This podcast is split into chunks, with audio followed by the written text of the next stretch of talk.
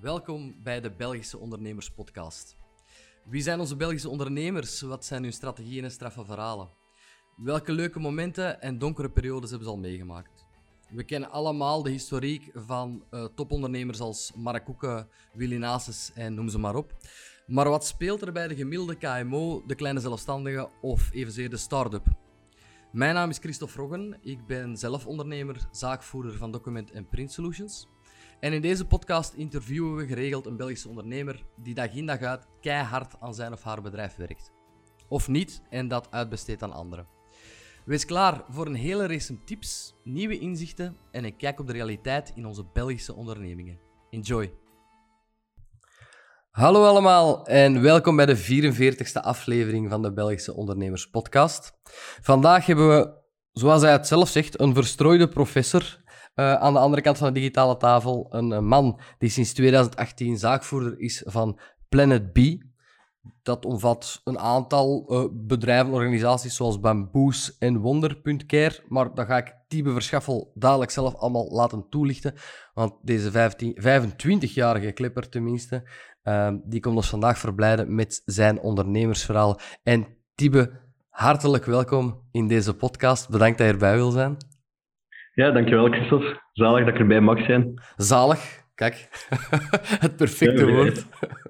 ik uh, begin altijd met de vraag, hoe gaat het met jou? Zeker in, gezien de periodes die nu hopelijk een beetje achter ons liggen. Maar hoe gaat het met jou?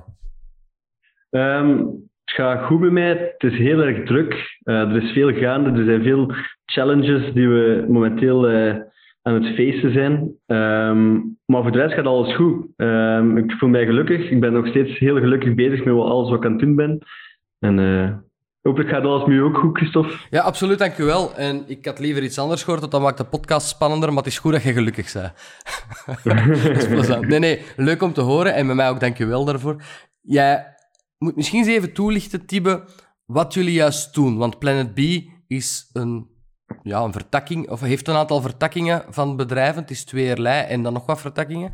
Maar zit vooral in op duurzaamheid en sustainable. En ja. als ik het zo cru mag zeggen, de, de woorden van het moment, hè, de, de, de modewoorden van het moment. Maar daar staat echt wel gebackupt door dingen die jullie effectief willen ik zal, ik zal anders beginnen met wat ik denk dat mij onze droom is. Onze droom is om een kleine Unilever te worden met enkel gezonde productlijnen. Gezond voor het lichaam en gezond voor de planeet. Okay. Uh, ondertussen hebben we eigenlijk, en we willen eigenlijk Planet B een holding company maken, met dan, daaronder dan brands. Ondertussen hebben wij bamboos, dat zijn onze, onze bamboerietjes. Daarmee hebben we eigenlijk een, eh, een heel uh, uniek productieproces eigenlijk op de markt kunnen zetten. Um, waarom? Bamboe is niet homogeen zoals hout. Bamboe is van buiten extreem hard en van binnen super zacht. En wat wij eigenlijk doen is, wij frezen de binnenkant uit, wij polijsten dat en wij zorgen ervoor dat we enkel die gladde, harde buitenkant behouden. En daardoor zijn onze rietjes vaatwasbestendig. Uh, zijn wij de, eigenlijk de enigste in Europa. We hebben daar labotesten voor laten doen in Denemarken en ook in het begin in België ook. Uh, en leggen wij zo al alle supermarkten in België. Um, een van de, van de onze grootste USP's is dat wij eigenlijk voor kleine hoeveelheden um, eender wat dat je wilt in een rietje graveren. Dus zo, zo verkopen we heel wat gepersonaliseerde rietjes en horecazaken of als re voor Um, een tweede productlijn waar dat we, een tweede brand, um, een merk waar dat we mee bezig zijn, is Wonder. Dat eindigt op DR, W-O-N-D-R. Dat is eigenlijk een, een solide cosmetica brand, waar dat we dan shampoo bars hebben, shower bars, face wash bars, shaving bars, enkele accessoires. En we zijn ook nog bezig met crèmes voor de toekomst en, en, uh, en allerlei andere zaken. En daar focussen wij ons. Wij zeggen dat dat is superfood voor je huid. Hè, dat is super gezond voor je huid, want er zitten geen nasty ingrediënten in. Het is ook gewoon super gezond voor de planeet. Oké. Okay. Um, ehm, wacht even. Een derde zin wacht even, wacht even. We gaan zo ja. naar de derde. Hoe kom je daar allemaal op? Ten eerste, die rietjes, dat begrijp ik wel. Je weet dat de plastic rietjes gaan weggaan. Je begint iets te onderzoeken en, en te uitchecken. Maar die soapbars, die showerbars, ligt dat in uw interesseveld court? Of is dat gewoon iets... Het is bij mij eigenlijk uh, allemaal vroeger begonnen. Ik heb een paar hele grote zomerbars gedaan. Um, en we hadden daar een duurzaam winkeltje. De zomerbar dat heeft goed gewerkt, maar dat duurzaam winkeltje dat heeft niet zo goed gewerkt. uh, en voor dat duurzaam winkeltje had ik heel wat producten aangekocht, waaronder shampoo bars. Uh, nu, ik had, die, ik had dat eh, heel snel gedaan. Ik had dat het soms snel in het leven gaat, een beetje impulsieve beslissingen gepakt. Um, had ik uh, een 500-tal shampoo bars aangekocht. Um, En ik dacht, dat is op zijn eigen wel ecologisch en dat is wel gezond. Ja, achteraf bekeken, als ik het op bol.com wou smijten en, en, uh, en er meer over las, was eigenlijk totaal niet het geval. Dat, dat viel ook uit elkaar. Er zat SLS in, eh, sodium lauryl sulfaat, die dat heel omstreden is. Um, dat klopte eigenlijk totaal niet. En dat is, dat is hoe dat, dat is beginnen spelen. Um, ja, het is natuurlijk een, een, lang verhaal hoe dat allemaal gekomen is. Uh, de ritjes daarentegen, dat was, we zochten een alternatief voor op onze zomerbar, want we wilden de zomerbar zo ecologisch mogelijk maken. En we zagen inderdaad, like wat hij zei, uh, binnen enkele jaren zal het waarschijnlijk verboden worden op Europees vlak. En dat is nu gebeurd, hè, 3 juli uh, dit jaar. Um, wat dat wel in ons voordeel speelt, uiteraard. Hè. Oké, oké. Okay, uh, tak 3, want ik heb het gevoel dat we heel veel te vertellen hebben. Dus ga even, ga even door. ja, tak 3 is eigenlijk uh, in het cosmetica-veld. We zijn bezig met uh, poeders uh, waar dat je water aan toevoegt en dat wordt shampoo. Je moet weten, in de conventionele shampoo- en showergel flessen zit er ongeveer 70 tot 85 procent water. Dat wil zeggen dat we eigenlijk camions en vrachtwagens vervoeren vol met water en vol, vol met wegwerpplastic, terwijl we eigenlijk maar 20, 25 procent van het product nodig hebben. Dus wij zijn bezig met de ontwikkeling van poeders Um, en we zijn bezig met een dispenser waar je dan 25% poeder in doet. Je voegt water van de kraan aan toe. Dat gaat door de mixing. En uh, je moet maar je hand onder de sensor houden en je shampoo komt eruit. Dat is eigenlijk voor, voornamelijk voor de B2B-markt, voor de hotels en, en uh, maar kan ook wel voor de particulieren zijn. We zijn, we zijn vooral in de ontwikkeling bezig nu. Dus uh, de, de strategie die is wel een beetje aan het, aan het ontwikkelen in onze hoofden. maar we zijn vooral met de ontwikkeling bezig. En we hebben daar we hebben daar het geluk voor gehad eigenlijk, dat we de innovatieve startersteun van Vlaio hebben voor binnengehaald. We hebben daar 50.000 euro van Vlaio voor gekregen. Okay. Um, en daar zijn we nu druk mee bezig ook. Wauw, dat is wel een hele boterham natuurlijk. En de vraag is altijd, je kan dat idee hebben, maar waar moet je dan terecht voor uh, die testen, voor het uitzoeken van de, de wettelijke bepalingen van mag er wel zoveel van dat product in, in, uh, ja. in het product zitten. Um, jij bent zelf afgestudeerd als uh, industrieel ingenieur en uh, postgraduaat, postra, postgraduaat innoverend ondernemen. Dat is niet mhm. verkeerd, dat, dat is al mooi om mee uit te pakken. Maar daarnaast was je ook de student-ondernemer van het jaar. Nog maar eens ene. Ja, ook eentje voor mij te pakken. Ja, ja, ik heb er nogal gehoord. En die worden allemaal succesvol later. Wat heeft u nu een moment... ja, dat is zo. Maar, ik heb het ook al, eh, al gehoord in deze podcast. Uh. Ja, hè? Ja. Uh, ook met, met, met een, uh, een zaak die in volle bloei was en, en alles liep goed. Dus dat is een hele mooie springplank, toch? Maar wanneer ja. beslis jij... Ik ga gewoon ineens na mijn studie starten als ja, zelfstandige, mag ik zeggen, met een onderneming. Uh, je hebt nu ondertussen vijf medewerkers, als ik me niet vergis. We zijn nog maar drie jaar verder. Ja. Wat is er gebeurd op dat moment? Heb je altijd voor ogen gehad, ik ga nooit voor iemand werken en ik begin direct zelfstandig? Of wat was de bedoeling eigenlijk? Ah, het, het, heeft eigenlijk altijd in mij gezeten. Ik heb ook op, op hele jonge leeftijd een eigen kickboxclub opgericht. Ik was uh, eh, 16 jaar oud. En um, en de kickboxclub bestaat nog steeds. We zijn met vier trainers, een zeventigtal leden. Uh, ik ben nu van de jaar tien jaar voorzitter, ik word 26. Um, ik heb van alles zo gedaan als, als jonge gast. Uh, van kerstbomen op, van straat halen, planten en nof op het jaar daarna verkopen. Al, allerlei zo dingen. En opeens in, in, een van mijn eerste jaren aan de UNIF had ik een gastlezing van uh, Maxime Sergeant van Bakkers Online. Misschien kent hem. Van naam. Uh, ondertussen, ondertussen ben ik daar goed mee bevriend. Maar hij heeft mij eigenlijk laten inzien ja, sorry, er zijn hier buiten wat een beetje glas ze misschien hoort het, misschien niet. Uh, maar Maxime Sergeant heeft mij laten inzien dat, uh, dat, ik, dat ik heel hard op hem gelijk, geleek. Uh, en dat ik, dat, dat ik eigenlijk wat ik aan het doen was, dat eigenlijk ondernemen was. En, en vanaf dat ik dat, dat, ik dat zo wist, ah, ik ben eigenlijk aan het ondernemen, dan ben ik mij er volledig ingestort. ik heb redelijk wat dingen opgegeven van, van feesten en doen, maar ik heb, ik, ik, heb altijd het gedacht gehad van als ik hier afgestudeerd ben, dan moet ik zorgen dat mijn onderneming loopt, want ik wil vol een bak eigenlijk ondernemen. Ja. Dus eigenlijk, op het moment dat je afstudeerde, was je onderneming al volop draaiende. Ja. Vandaar ook de onder, student-ondernemer van het jaar, natuurlijk. Dan moet je onderneming draaien. is, ja, ja, dus... ja, dat is niet het enige waar dat ze naar kijken. Er zijn zowel veel uh, zaken. Uh, je moet niet de, de beste ondernemer zijn om student-ondernemer te worden. Uh, Entrepreneur geeft eigenlijk inderdaad een springplank naar startende ondernemers. Ze kijken niet enkel naar wie maakt de meeste omzet, ze kijken naar verschillende factoren. Ja. Oké. Zeg, en Jullie ontwikkelen. Hoe zit je dat nu in de markt? Doen jullie dat ook zelf? Zijn dat marketingmachines die voor jullie werken? Jullie product is klaar, bijvoorbeeld de ritjes. Hoe breng je dat naar de grote... Want eigenlijk hebben jullie vrij grote klanten. Ik weet niet of je erover wilt praten, maar het zijn grote namen. Ja. Hoe kom je daar? Uh, ja, hoe kom je daarbij? Dat, wij hebben voor het Colruyt binnengehaald. Um, we, liggen met onze rietjes liggen we in de Colruyt, de OK, Bioplanet, de Leize, Ava, Sligro. dat zijn inderdaad grote namen. Hoe is dat gekomen? Wij deden heel wat horecabeurzen. Uh, en op een van de horecabeurzen hebben we een scout ontmoet van Colruyt. ik ben daarmee aan de praat geraakt. Um, en ik moet gewoon eerlijk zijn, ik heb hem gewoon niet losgelaten. Uh, dus ik heb, uh, ik heb hem elke woensdag gebeld en als ik hem belde, dan wist hij gewoon al dat het woensdag was.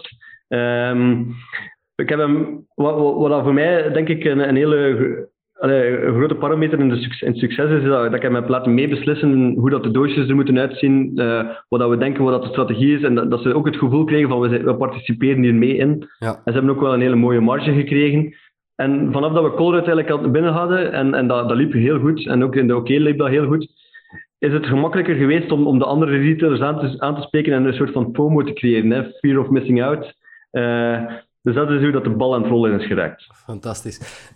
De andere... En ondertussen, ja, ondertussen hebben wij gewoon een, een, ja, toch wel een heel groot netwerk van, van retailers uitgebouwd, ook van distributeurs. Ja. En kunnen we met onze nieuwe producten, is een beetje leuk of dat je naar de Collet gaat of naar, of naar de distributeurs gaat en je zegt, ja, hier is zout en hier wil ik peper ook. Hè.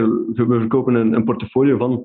Um, natuurlijk, elk merk heeft wel een andere strategie. Mijn wonder is niet de bedoeling om de supermarkt te betreden, maar gaan we echt voor de, de unieke winkels, voor de bio-winkels, voor de, voor de concept stores. We liggen ondertussen in YouTube bijvoorbeeld. Vanaf volgende maand liggen we in 109 JBC-winkels. Uh, eh, Bioplanet is ook bijna binnen. We gaan, we gaan voor apothekers, dus we gaan echt voor de unieke, de unieke retailers. Oké, want ik dacht dat dat eigenlijk via een webshop verkocht wordt, maar dat, dat slaagt dan bal mis dan. Ja, grotendeels wel. Eh, eh, Wonder is echt een, een maar dat, is meer voor de brandbuilding dat ik, dat ik de, retail, de unieke uh, retailer eigenlijk probeer te bereiken. Uh, een groot deel van onze, van onze omzet van Wonder is inderdaad direct to consumer via e-commerce. Um, waar ik ook wel heel hard in geloof. Ja? zeker voor zo'n type product. Hoe zie jij de toekomst van e-commerce? Het is heel hard veranderd de laatste tijd, zeker door corona. Hoe zie je dat evolueren? Um, ik zie dat evolueren naar een, een, soort van harmonie met de retail, waar dat de retailwinkel veel meer een belevenis gaat worden. Uh, niet minder om te kopen, maar eerder het merk te ontdekken, de producten te ontdekken en dat je echt wel into the brand geraakt. En dan uh, dat je via de e-commerce platformen en via de e-commerce websites eigenlijk de producten aankoopt. Oké, dus eigenlijk toch wel een showroom waar mensen langskomen en het moment dat ze het gezien hebben, dan bestellen ze het telkens van thuis uit of op Bereel uit. Dat is hoe je het eigenlijk ziet. Ja, of, of, of, of waar dat heel veel advies gegeven wordt. Hè. Kijk maar naar Runners Lab bijvoorbeeld, die doen een heel uniek uh, retailconcept. Uh, dat, dat, dat gaat je natuurlijk ook verder blijven ontwikkelen. Ja, ça va. Zijn er bepaalde zaken die jullie Wanneer zijn jullie eigenlijk je eerste personeelslid in dienst uh, beginnen nemen? Ik ga dat misschien eerst vragen. Uh, ja, het zijn een heel bewogen jaren geweest. Hè. Ik, heb de zomerbar was uh, een, een, zomerbar van 160.000 euro omzet. Dus dat was een, een hele ferme zomerbar. Daar, had, daar waren er mensen voor aangenomen. Achteraf is dat dan een beetje, ja... we hebben dan besloten om zomerbar niet meer te doen. We hebben ons volledig gepivoteerd. Uh, het, is eigenlijk nu pas vanaf um, eind 2020 dat de eerste werknemer is aangenomen uh, bij Planet B. En nu zijn we wel uh, redelijk snel aan het gaan. We hebben ook voor de eerste keer redelijk wat centjes opgehaald. Dus dat was altijd een hele grote droom van mij ook om te kunnen doen. en dat, dat versnelt natuurlijk al dus ook. Hè. Proficiat. Ja, want ik ging eigenlijk vragen, wat is er bij jullie voorgoed veranderd sinds of tijdens corona? Eigenlijk is dat die ophaalronde en mensen aannemen. Goh, tijdens corona is ook... Um, we waren heel hard op de horeca gefocust, enorm. Uh, en dan zijn we eigenlijk ons beginnen heroriënteren meer en meer richting de retail. Uh, wat zeker niet slecht was in ons geval. Um, en dan is ook de ontwikkeling van Wonder begonnen tijdens de coronasituatie, want er was gewoon heel veel tijd over. Uh, alles lag een beetje op zijn gat. En dan ben eigenlijk de, de, de investeerder die ik heb ontmoet, was, was eerder in de zomer van 2020. En dan heb ik om de zoveel tijd een presentatie gegeven van, kijk, dit zijn onze volgende stappen. En ik heb de volgende presentatie steeds begonnen met, dit waren onze volgende stappen. En, en die hebben we nu voltooid. En dan heb ik heel veel vertrouwen mee kunnen opbouwen. En die ronde is nog maar net uh, eigenlijk uh, een maand en een half nu achter de rug. Oké, oké. Dus eigenlijk ben je nu klaar om verder door te groeien op snel tempo. Dat is de bedoeling. Ja, ja. Oh, dat is spannend, hè? Ja, zalig. uiteindelijk ben jij van ondernemer en, en zaakvoerder en de Tibe nu wel even naar ook manager en baas gegaan, hè? en zaak Ja, maar dat, dat, vind ik, dat vind ik een hele moeilijke, Christophe. Ja? Um, dat vind ik een super moeilijke, want ik ben er al met, met tegen de lamp gelopen met de eerste werknemer. Uh, ik had tegen haar gezegd van, kijk, ik, ik, uh, ik wil gewoon hard vooruit gaan en goed vooruit gaan, maar ik zie mij niet echt als een baas, dus ik vind dat we gelijk zijn. Maar dat is echt als een boemerang in mijn gezicht gekomen. Dus je moet inderdaad wel een bepaalde verhouding aannemen tegen je werknemers. Maar dat vond ik super moeilijk. Ik ben niet graag zo het baastype. Ik ben gewoon iemand die, die de opportuniteiten ziet en graag hard vooruit gaat. Eh, graag de deals maakt, laten we het zo zeggen. Maar uh, het, het baastype, ja, dan niet. Dus wat, wat doe ik de laatste tijd? Ik lees heel veel managementboeken. Ik luister veel audioboeken over management. Want ik wil er ook wel veel beter in worden. Moet ik trouwens het licht niet aan doen? Of uh, maakt dat niet uit? Wel, voor de mensen die kijken is het misschien interessanter dat ze je ook effectief zien zitten. voilà, ga ik dat heel snel doen. Ja.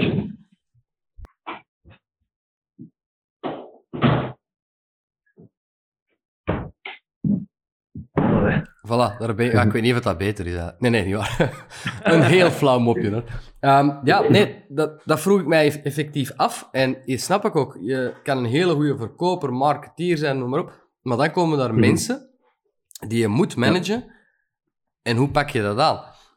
Nou, wie luister je zoal? Wat lees je zoal? Dat is misschien interessant voor anderen om... Uh... Um, het laatste wat ik, dat ik echt super goed vond, was de One Minute Manager. Oké. Okay. Um, vond ik mega goed. Heel resultaatgericht. Niet van, uh, want dat, dat is zoiets typisch. Hè. Ze, komen naar, ze, ze komen naar mij. Uh, ik heb dit probleem, ik heb dat probleem. En, en je zegt gewoon van heel veel problemen op te lossen. Hè, op, op, continu eigenlijk. En dan, dan geef je direct de oplossingen. Maar de One Minute Manager die gaat ervan uit van oké, okay, die, die, die helpt en die ondersteunt, maar je moet de oplossing zelf mee komen en die weigert om zelf oplossingen te geven. En, die, en heel resultaatgericht. Ook uh, wat, wat we voor veel managers doen is, uh, hey, je doet dit fout of je doet dat fout. En hij zegt, ja, als, als een kind leert lopen, ze zet zijn eerste stapjes, je gaat die beginnen applaudisseren, je gaat kusjes geven, je gaat knuffels geven, je zet nog wat betere stappen, totdat hij eigenlijk kan, volledig kan stappen en je blijft maar applaudisseren. En dat moeten bij je werknemers eigenlijk ook doen. als, als die dingen goed doen, moeten dat eerder gaan applaudisseren dan, dan heel tijd kritiek te geven op de slechte zaken. En dat vond ik wel heel interessant om, uh, om mee te krijgen. Um, dus ja, ik heb ook, ik heb ook gehoord dat de, de Five Dysfunctions of a Team, dat, dat blijkbaar ook een supergoeie boek is. Dus die staat op de, op de lijst. Snap ik. Er zijn heel veel boeken die echt wel heel interessant zijn, maar je onthoudt daar eigenlijk niet zoveel van. je moet echt veel lezen om daar echt iets van mee te nemen. Meestal onthouden één of twee keypoints.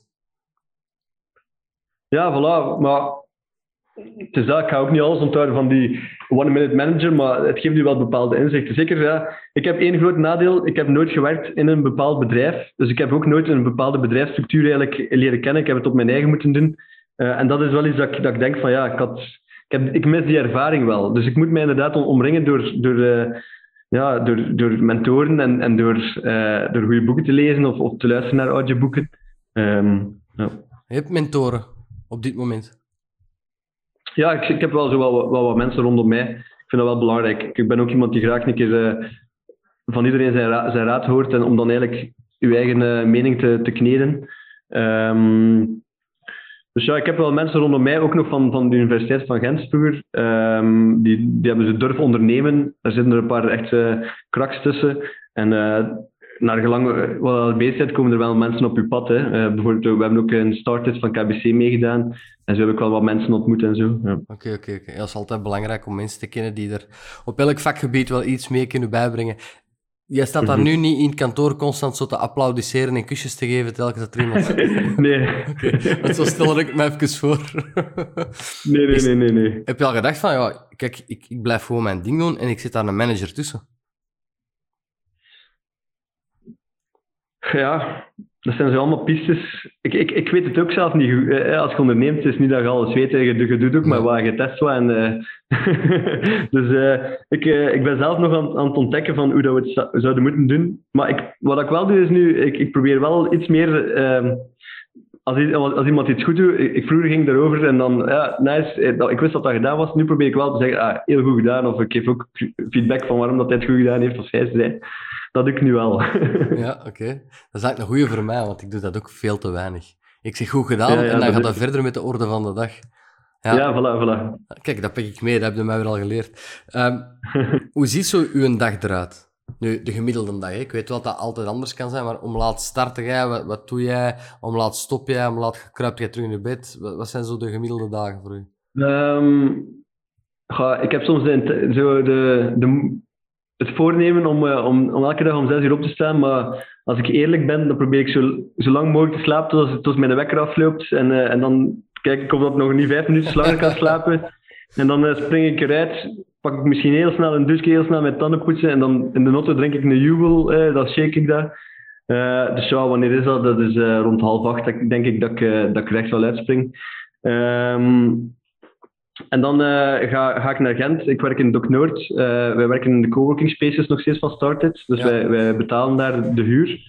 Um, ja, dan, uh, ja, ik kan niet zeggen wat, wat, de typische dingen zijn dat er gebeuren, want er is altijd van alles. Laatst tijd ben ik mij heel hard aan het focussen op, op de cashflow planning. maar ja, er zijn duizend en één dingen die op je afkomen. Um, dan, uh, s'avonds uh, ga ik, ga ik uh, vaak wel nog een keer sporten, een keer gaan joggen. Dan luister ik een keer naar de Belgische Ondernemerspodcast tijdens het lopen. um, ik ik kickbox natuurlijk ook terug, nu op maandag en donderdag. Um, en dan, dan zet ik mij terug even aan de computer. Dan doe ik nog wat dingen dat ik, dat ik denk dat ik zou moeten doen. en dan tegen... Ik probeer eigenlijk wel redelijk vroeg in mijn bed te kruipen. Dat deed ik vroeger niet, maar dat doe ik nu wel. Ik probeer wel zeker tegen 11 uur in mijn bed te liggen. Uh, en dat ik zeker op tijd ga slapen. Lukt dat? Ja, nu lukt dat eigenlijk wel. Vroeger was dat veel moeilijker, maar uh, ja, ik, ik, ik, ik weet gewoon van mijn eigen, als ik, als ik voldoende slaap, en ik heb wel, ben wel iemand die veel slaap nodig heeft, dan kan ik gewoon veel harder knallen overdag. Dan ben ik veel, veel efficiënter. Ja. Um, dus ja, dat is, dat is gewoon heel belangrijk voor, het, uh, voor de business zelf. Sowieso, maar lukt dat in slaap vallen?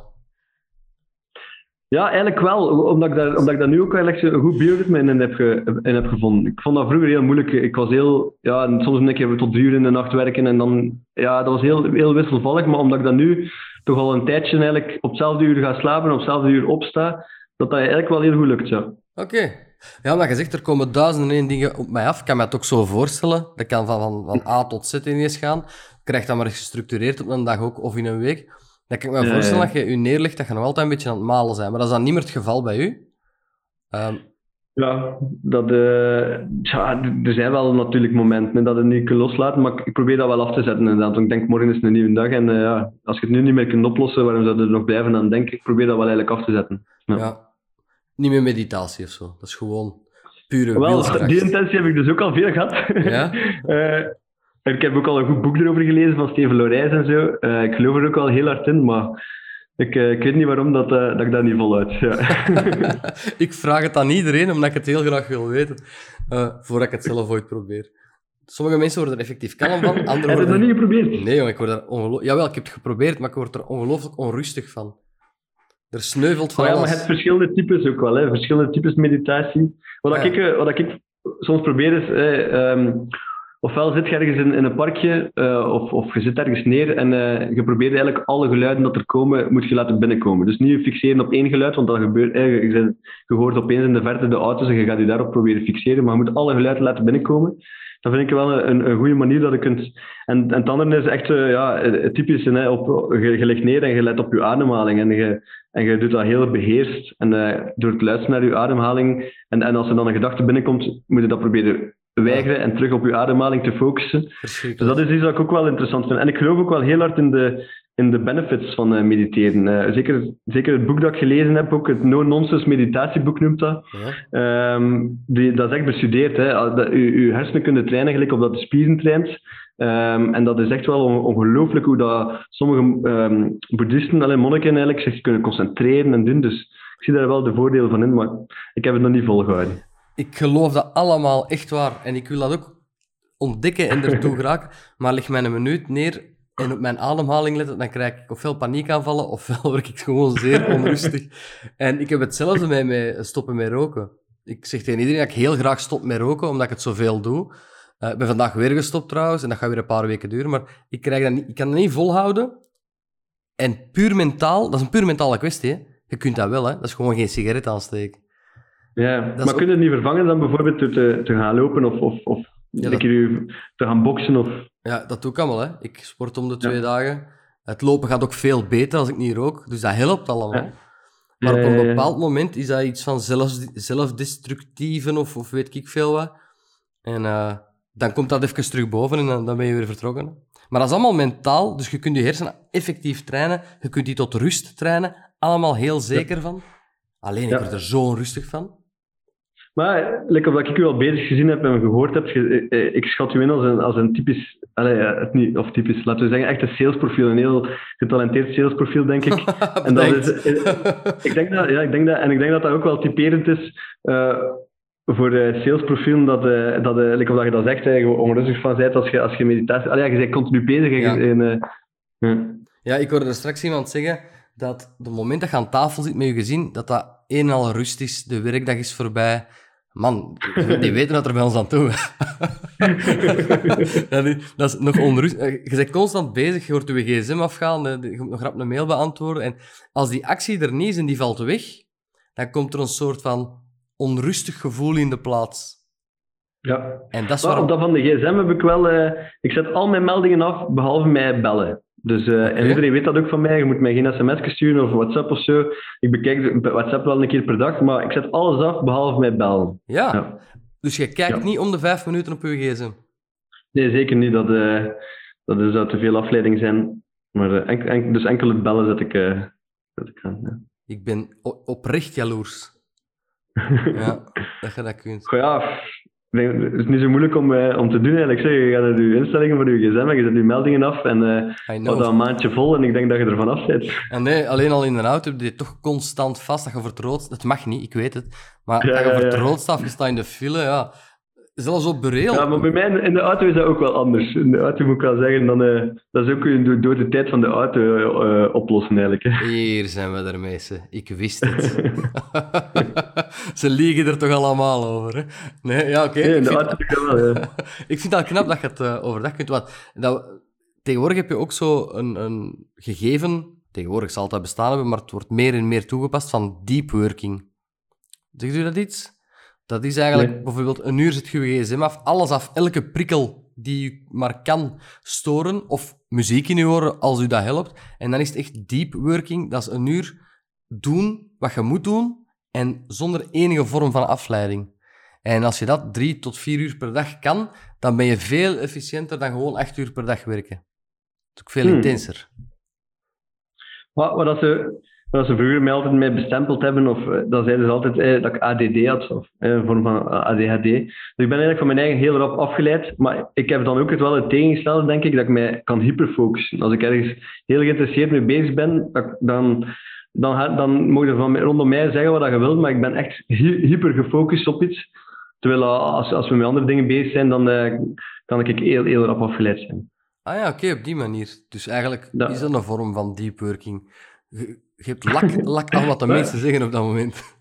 Ik vind dat wel een goeie dat je dat zegt. Dat, is wel, eh, ah, dat, dat klopt ook wel. Als je er logisch bij nadenkt, als je alle meldingen afzet en je gaat echt een keer een uur focussen en je weet van er zit niks anders in je hoofd, want dat is het vaak het ding. Hè. Je, je, je, je hoofd staat eigenlijk klaar voor, een- voor een melding te ontvangen en dan direct te kijken en je zit er ook een beetje op geconditioneerd eigenlijk. Hè. Ja, Eh, Dus ja, ik, ik, ik geloof zeker dat dat... eh, of dat je nu hetzelfde gaat kunnen doen als in acht uur tijd, dat weet ik niet. Ik dat, denk, dat denk ik niet.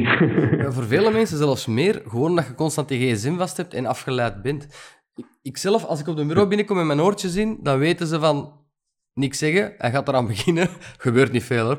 En ik, ik heb wel nog muziek in mijn oren dan. Loeihard, omdat ik weet, Ja. ik hoor de rest niet en ik kan nu doen wat ik moet. Maar dat stoort ook nog altijd, want soms hoorde de Wat luistert er dan vaak? Ja, dat is vaak K3. Ehm, omdat ik dan een heel opzwepende tune... Nee, nee. nou, dat is van alles. Dat kan van R&B gaan tot, tot eh, Charlotte Witte. Dat hangt er dan af in welke mood dat ik ben. Of dat ik ga sporten ben of niet. Dan, dan trek ik dat vaak door. Ehm, Oké, nee. podcasten, dat luister ik in de wagen. Als ik Ja. rust heb. Dat maakt mij wel kalm, een podcast. Ja, in de wagen of op de fiets of tijdens het lopen, dat zijn zo de momenten dat je, je Ja. autopiloot aanstaat. Ja. Ja. Maar onderweg tijdens het lopen krijg ik een bericht en dat komt in mijn oortjes binnen. Dat vertelt ook wat er binnenkomt. Dus dat, dat wordt gewoon gesproken, dat bericht in mijn oren. En dan heb je geen Mhm. goesting niet meer. Hè. Dan stop het. Hè. maar enfin, eh, we zijn hier om over u te praten. in, u, in, in die drie jaar dat je ondernemer bent, met je eigen ondernemingen bezig bent, wat is de, de herinnering die je al het meeste is bijgebleven? Is er iets speciaals dat je hebt meegemaakt waarvan je denkt, ja, dat vergeet ik nooit niet meer. Of dat was echt wel even een moeilijke clip om te omzeilen. Of dat was een euforisch moment. Als je nu, nu direct ergens aan denkt. Over het laatst had ik een, een etentje met, met zalige, zalige, een zalige kerel uit Gent uh, en ook allee, een paar andere mensen ook. Uh, Ruslan van Davai. En die, die vroeg ook aan mij, wat is eigenlijk de grootste shit dat er zijn tegengekomen? Op dat moment, ja, ik, ik, kon er niet echt op iets komen, maar ik, ik heb er over het laatst een keer zitten over nadenken. En uh, op, op een van onze zomerbaars, we hadden een, een, een grote wc-wagen. Uh, en opeens was de, de buis die naar de straat liep, was volledig doorbroken. En, dat, en alle shit en alle plas en alle wc-papier was allemaal over het fietspad, over de straat. Ah. Dat was voor mij, dat is een van de dingen dat ik nooit ga vergeten, pijs ik, dat uh, ja, letterlijk de grootste shit was. Uh, dat, dan heb ik, ja, dat was heel klote. dat is wel heel letterlijk, ja. ja Oké, okay. maar uiteindelijk is dat gewoon een leuke anekdote ondertussen. Hè? Is ja, ondertussen wel.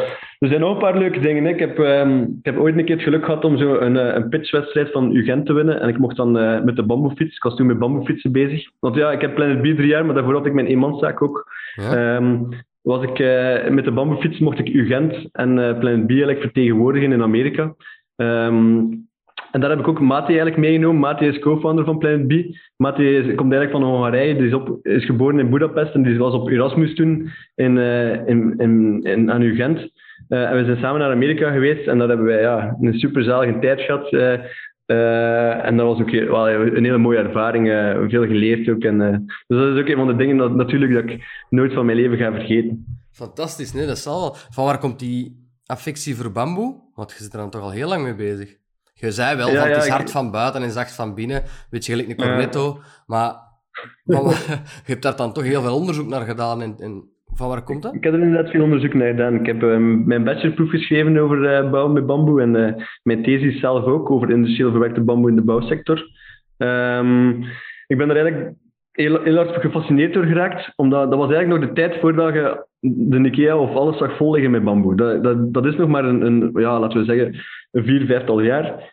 Um, en op dat moment was ik daar, was ik daar enorm gefascineerd door. Um, omdat dat, dat is de snelst groeiende plant ter wereld. Dat, dat fixeert uh, per equivalente vierkante meter tegenover bomen, fixeert dat 35% meer zuurstof.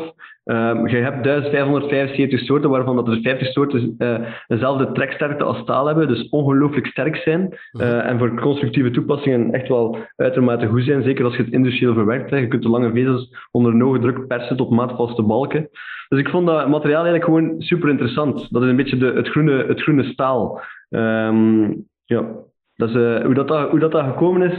Ik, uh, ik, ik bezocht af en toe een, eh, een onkel van mij, een onkel Roland. Hij is over het laatst gestorven.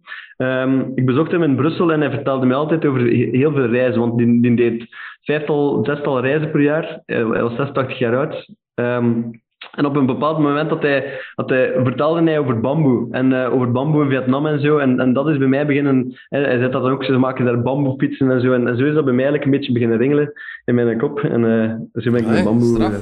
dus eigenlijk in, in plaatsen zoals Vietnam wordt dat al volop en uitgebreid gebruikt. In plaats van... Ja, wow, in, in veel delen van de wereld. Eigenlijk overal behalve in Europa. Um, in, in, in, in, Europa groeit, groeit, groeit alleen maar uh, de, de, het onkruid bamboe, of dat de mensen zouden zeggen, en uh, heel zwak bamboe. Um, in, in, in Zuid-Amerika noemen ze het poor man's timber. Uh, dus daar bouwen enkel de, de hele arme mensen mee. Waar de, dat is een van de redenen dat bamboe zo weinig onderzocht is geweest. Uh, maar in China bijvoorbeeld, daar bouwen ze grote stellingen mee soms. Hè. Je kunt dat opzoeken op het internet, dat is ongelooflijk om te zien. Ze bouwen daar stellingen echt onder de meters hoog, gewoon uit bamboe. Oh joh. Ja. Ja, maar dan moet je echt wel de juiste soort hebben. Als je dan de verkeerde soort ja, hebt, dus, dan, uh, dan, zie je eruit. De, ja? de mozo-bamboe is, is een soort die ongelooflijk sterk is, die groeit in China. Oké. Nu, de, de, de soort die... Dat, dat is ook wel een beetje het geluk dat we hebben. De soort die wij gebruiken voor onze bamboesrietjes, die groeit enkel in Vietnam. En dat is de, de meest geschikte soort voor rietjes. Dus, want ja, je weet, in China, die, die, doen, die doen alles na en die kunnen alles veel goedkoper doen, omdat die ook...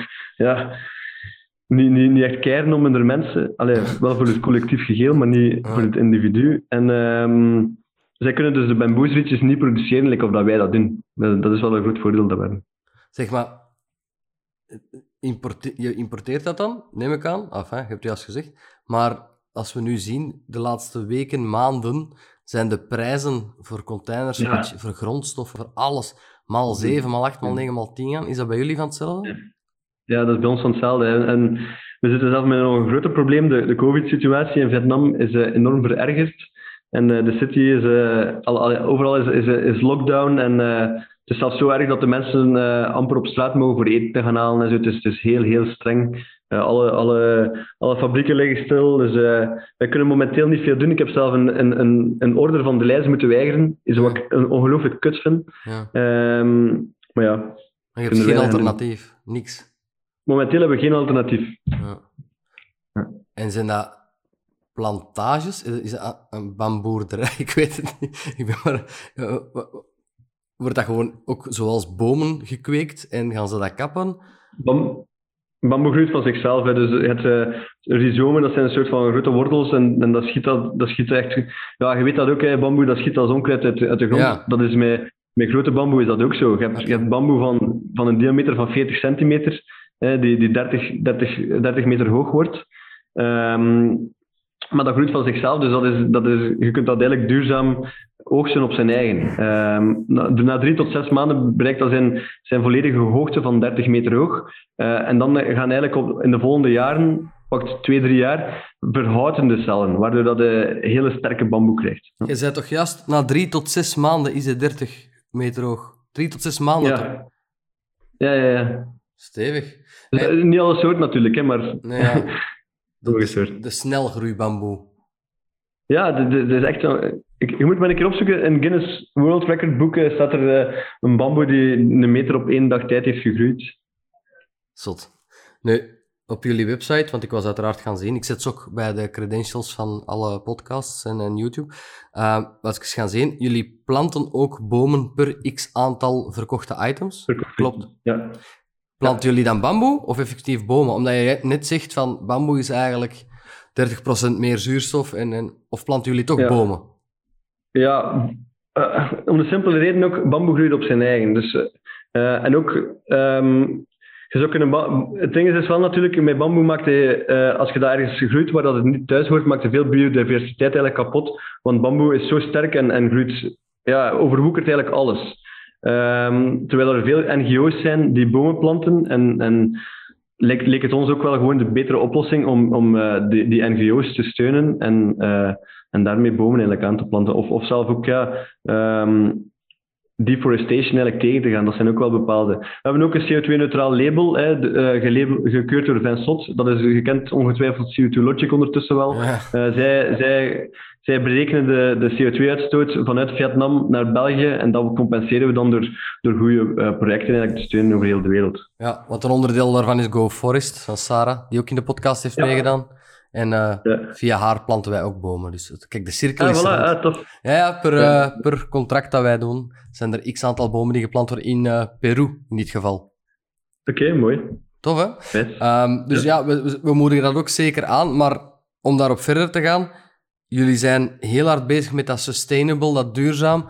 Wat zijn zo de belangrijkste stappen naast de CO2 Logic? ehm, eh, ik kom niet op het woord.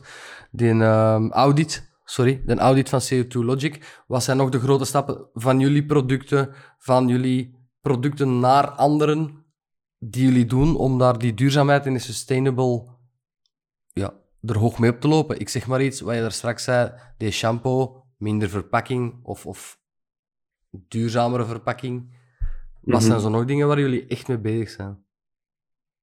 Goh, het is eh, inderdaad, ja, de, de rietjes zijn... eh, de rietjes pakken meer CO2 op dan dat er eh, tijdens het productieproces eigenlijk ehm, uitgestoten wordt. En, en, en, en als je het daar gebruikt, is het natuurlijk heel goed. Met Wonder, ja, Wonder heb je ehm, de, de plastieke flessen die we, die we niet meer nodig hebben en, en het, het inefficiënte watertransport. Eh, want water komt toch uit de kraan. Hè. Ehm, en met de poeders dat we bezig zijn, is de bedoeling om de poeders te kunnen verzenden met briefpost. Wat dat eigenlijk een heel eh, milieuvriendelijke oplossing is om, om goederen te verzenden. En, en eh, een heel groot voordeel is natuurlijk. Je kunt ook met een subscription-based model werken dan.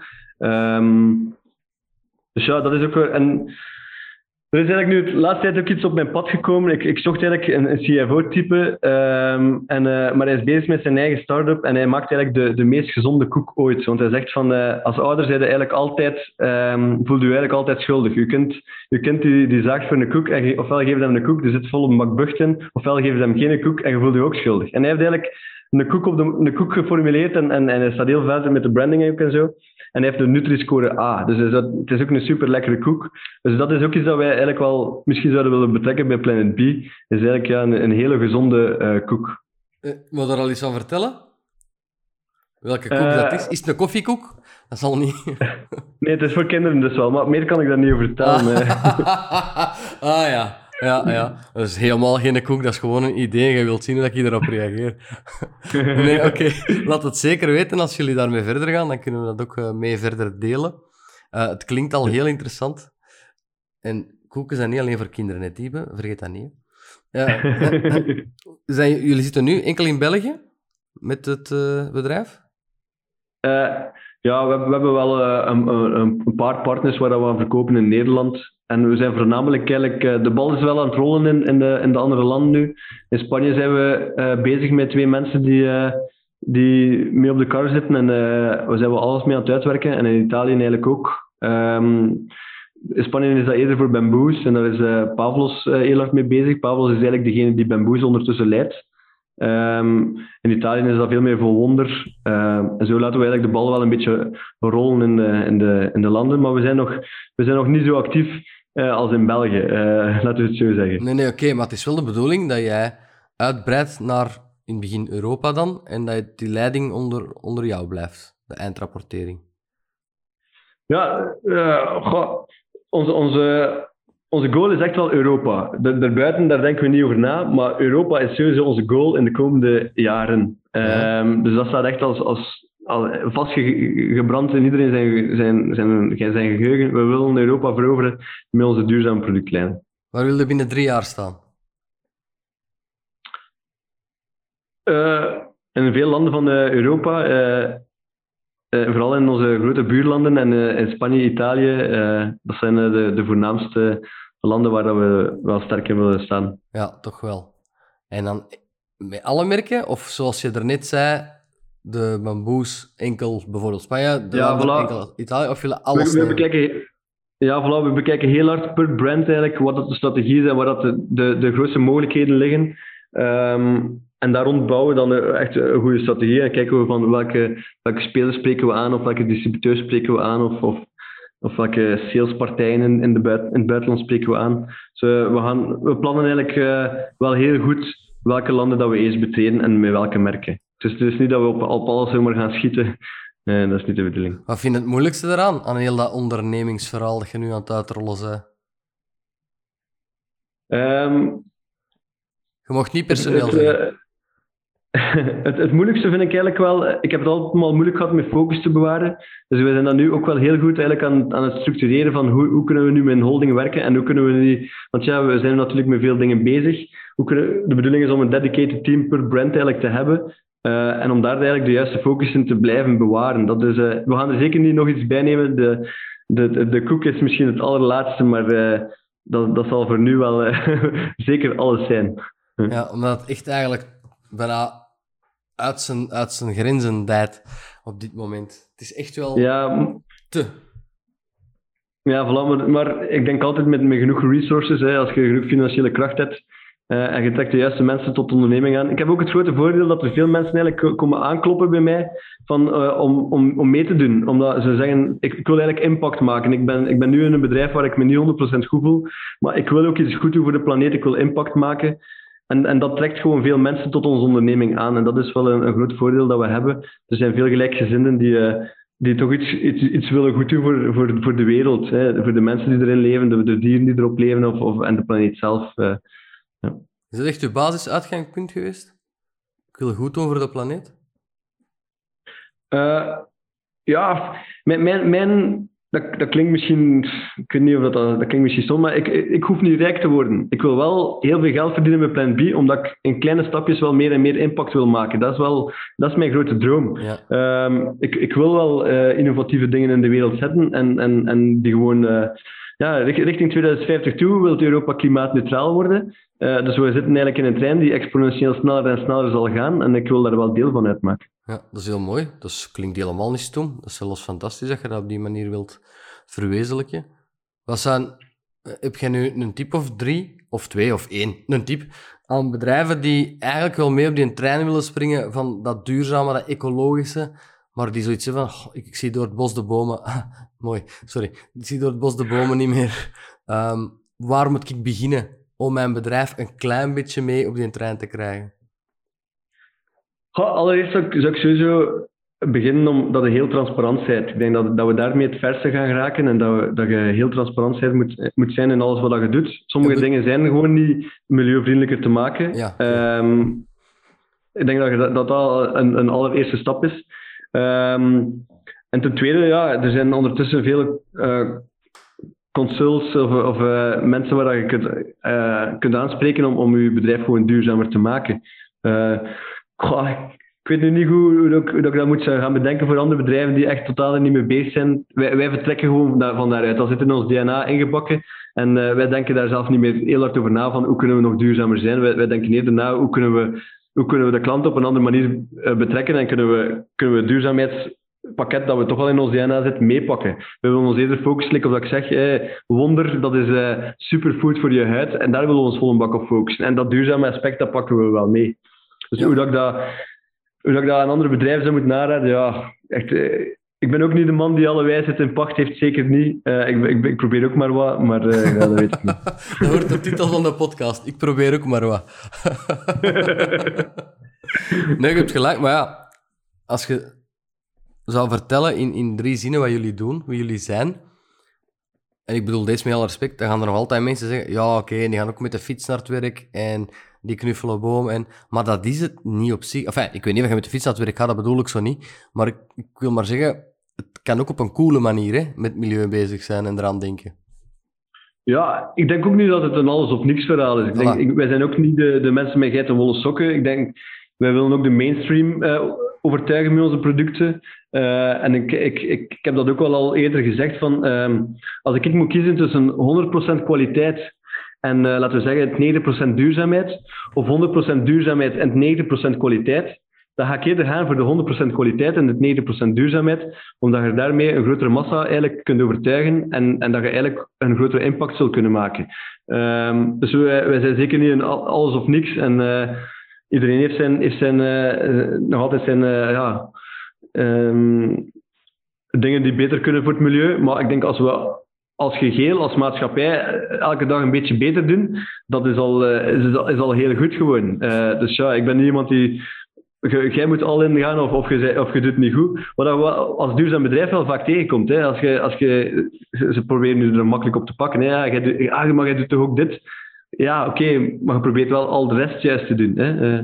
Ja, ik begrijp het. Dat je er aankomt met bijvoorbeeld een wagen, een, een benzinewagen, voor je duurzaam verhaal te vertellen.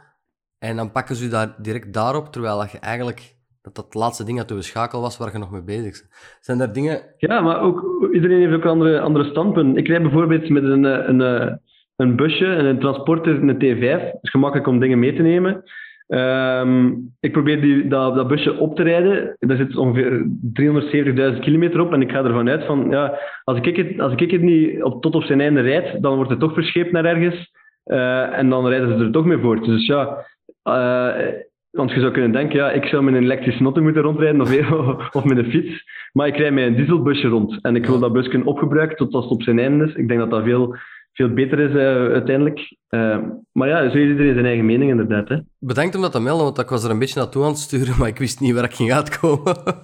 maar dat is inderdaad wat ik bedoel. Dat is geen probleem als je voor de rest in het reinen staat met jezelf en, en er zoveel mogelijk kan bij. Want wat is voor jou nu de volgende stap? Hoe kunnen jullie nu nog meer... Wat is de volgende stap voor jullie om nog ecologischer te worden? Los van uw busje.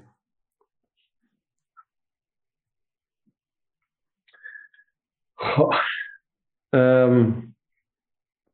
Goh, geen idee eigenlijk. Wc-papier van uh... bamboe? Of, of... Ah, qua producten, maar ja, ik wil ook niet aan nog andere producten. Nee, nee, nee, qua onderneming. Voor jullie. Voor jullie als onderneming. Voor, voor onszelf. uh, ja. Ik ben ook iemand die altijd. Uh, uh, ik, ik ga nooit nieuwe kleren kopen, bijvoorbeeld. Dat doe ik uit mijn eigen. Ik, als ik iets nieuws nodig heb, dan koop ik een tweedehands kleren. Of wel, schoenen kan, kan wel voorvallen, maar ja, wat is voor ons eigen? Ik, ik, heb er, ja, ik weet niet hoe dat we nog duurzamer kunnen zijn. Ik heb geen idee. Ja, heel goed antwoord, want je hebt ook die CO2 Logic audit gehad, die ook wel zegt welke punten jullie kunnen aanpakken, maar blijkbaar is dat Ja. dan ja, 100% scoren. Hè? Och. Tja, dat, dat weet ik niet of dat, Sorry. dat maar ik, ik, ik weet niet of dat, of dat, mijn tijd en mijn, en mijn, Nee, mijn geld niet. momenteel waard is. Laten we het zo zeggen. Ik heb het gevoel dat we al heel goed bezig zijn. Ja. Nee, nee, dat gevoel heb ik ook. En als je nu vandaag terug zou starten, Tibe. Dus vandaag is terug 2018 gestart. Of nee, iets ervoor, want je was al bezig met je eenmanszaak. Wat is een tip dat je aan jezelf zou geven? Als je vandaag terug start, wetende wat je vandaag weet. Ehm, op dat moment pakte ik alles heel impulsief aan en ging ik, g- ging ik, ging ik dan dat ik, eh, dan dat ik zou moeten gaan. En ik denk dat je eerst alles heel nuchter moet een beetje plannen. Sommige mensen doen dat veel te veel. Hè. Eh, ik deed dat toen te weinig. Ik plande te weinig, ik, tuste alles financieel te weinig af. Dus nu, nu doe ik dat planmatig wel veel gestructureerder. Want ik ben een enorme chaot. Maar, dus dat is iets dat ik tegen mijn eigen zou zeggen.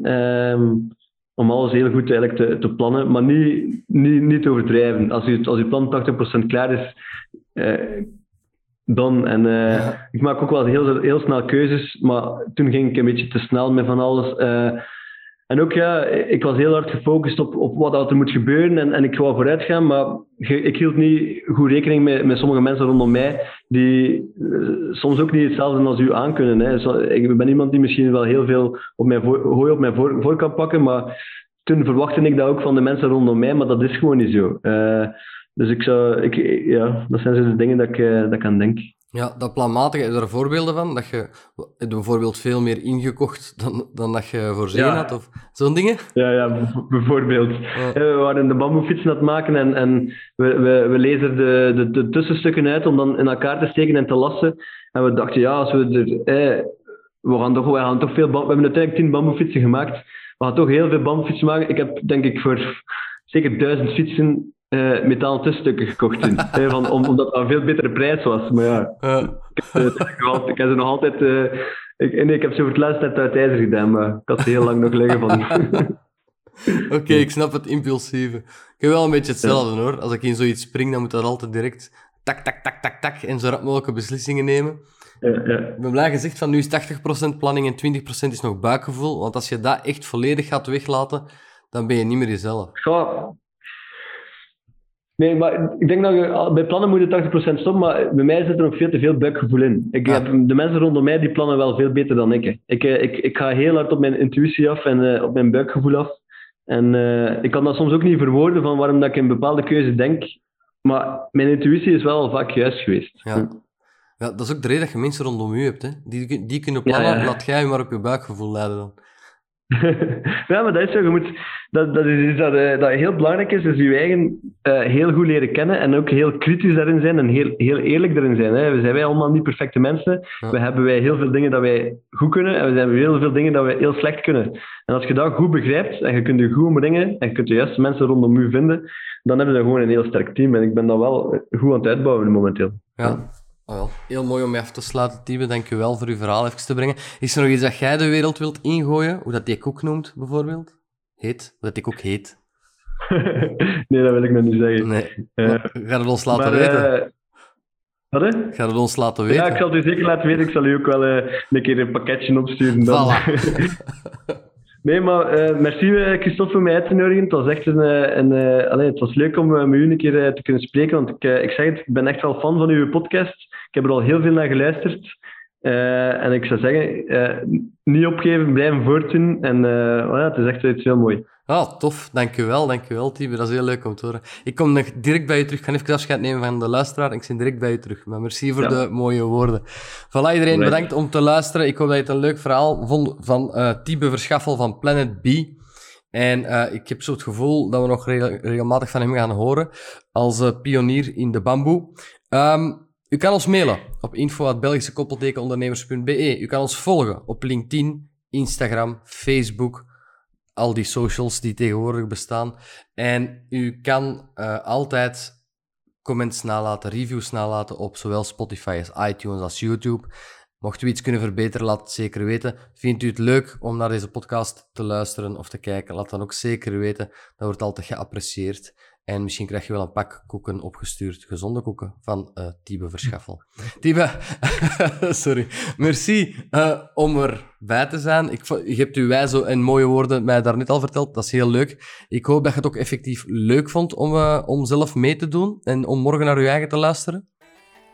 Ja, ja zeker. Uh, ik, ik, ik, heb ook twee huisgenoten die, uh, die, die ook naar uw podcast luisteren. En ik zei, ja, binnenkort mag ik er spreken. En, oh, echt waar? Uh, dat, was, oh, dus dat was wel cool. Zijn het twee katten, Tiebe? nee, nee. Oké. Het zijn mensen, hè? Je gezegd, huisgenoot. Nee, super. Bedankt om erbij te zijn. Ik vond het een heel boeiend verhaal. En ik ga... Um, het nodige qua info van de websites en dergelijke ga ik allemaal bij de teksten zetten. En ik zal u uh, uitgebreid bewieroken eh, op al mijn social media. En dan kan je het ook delen en bekijken wanneer je, uh, wanneer je wilt. Hè. Merci om erbij te zijn. En voor iedereen tot een volgende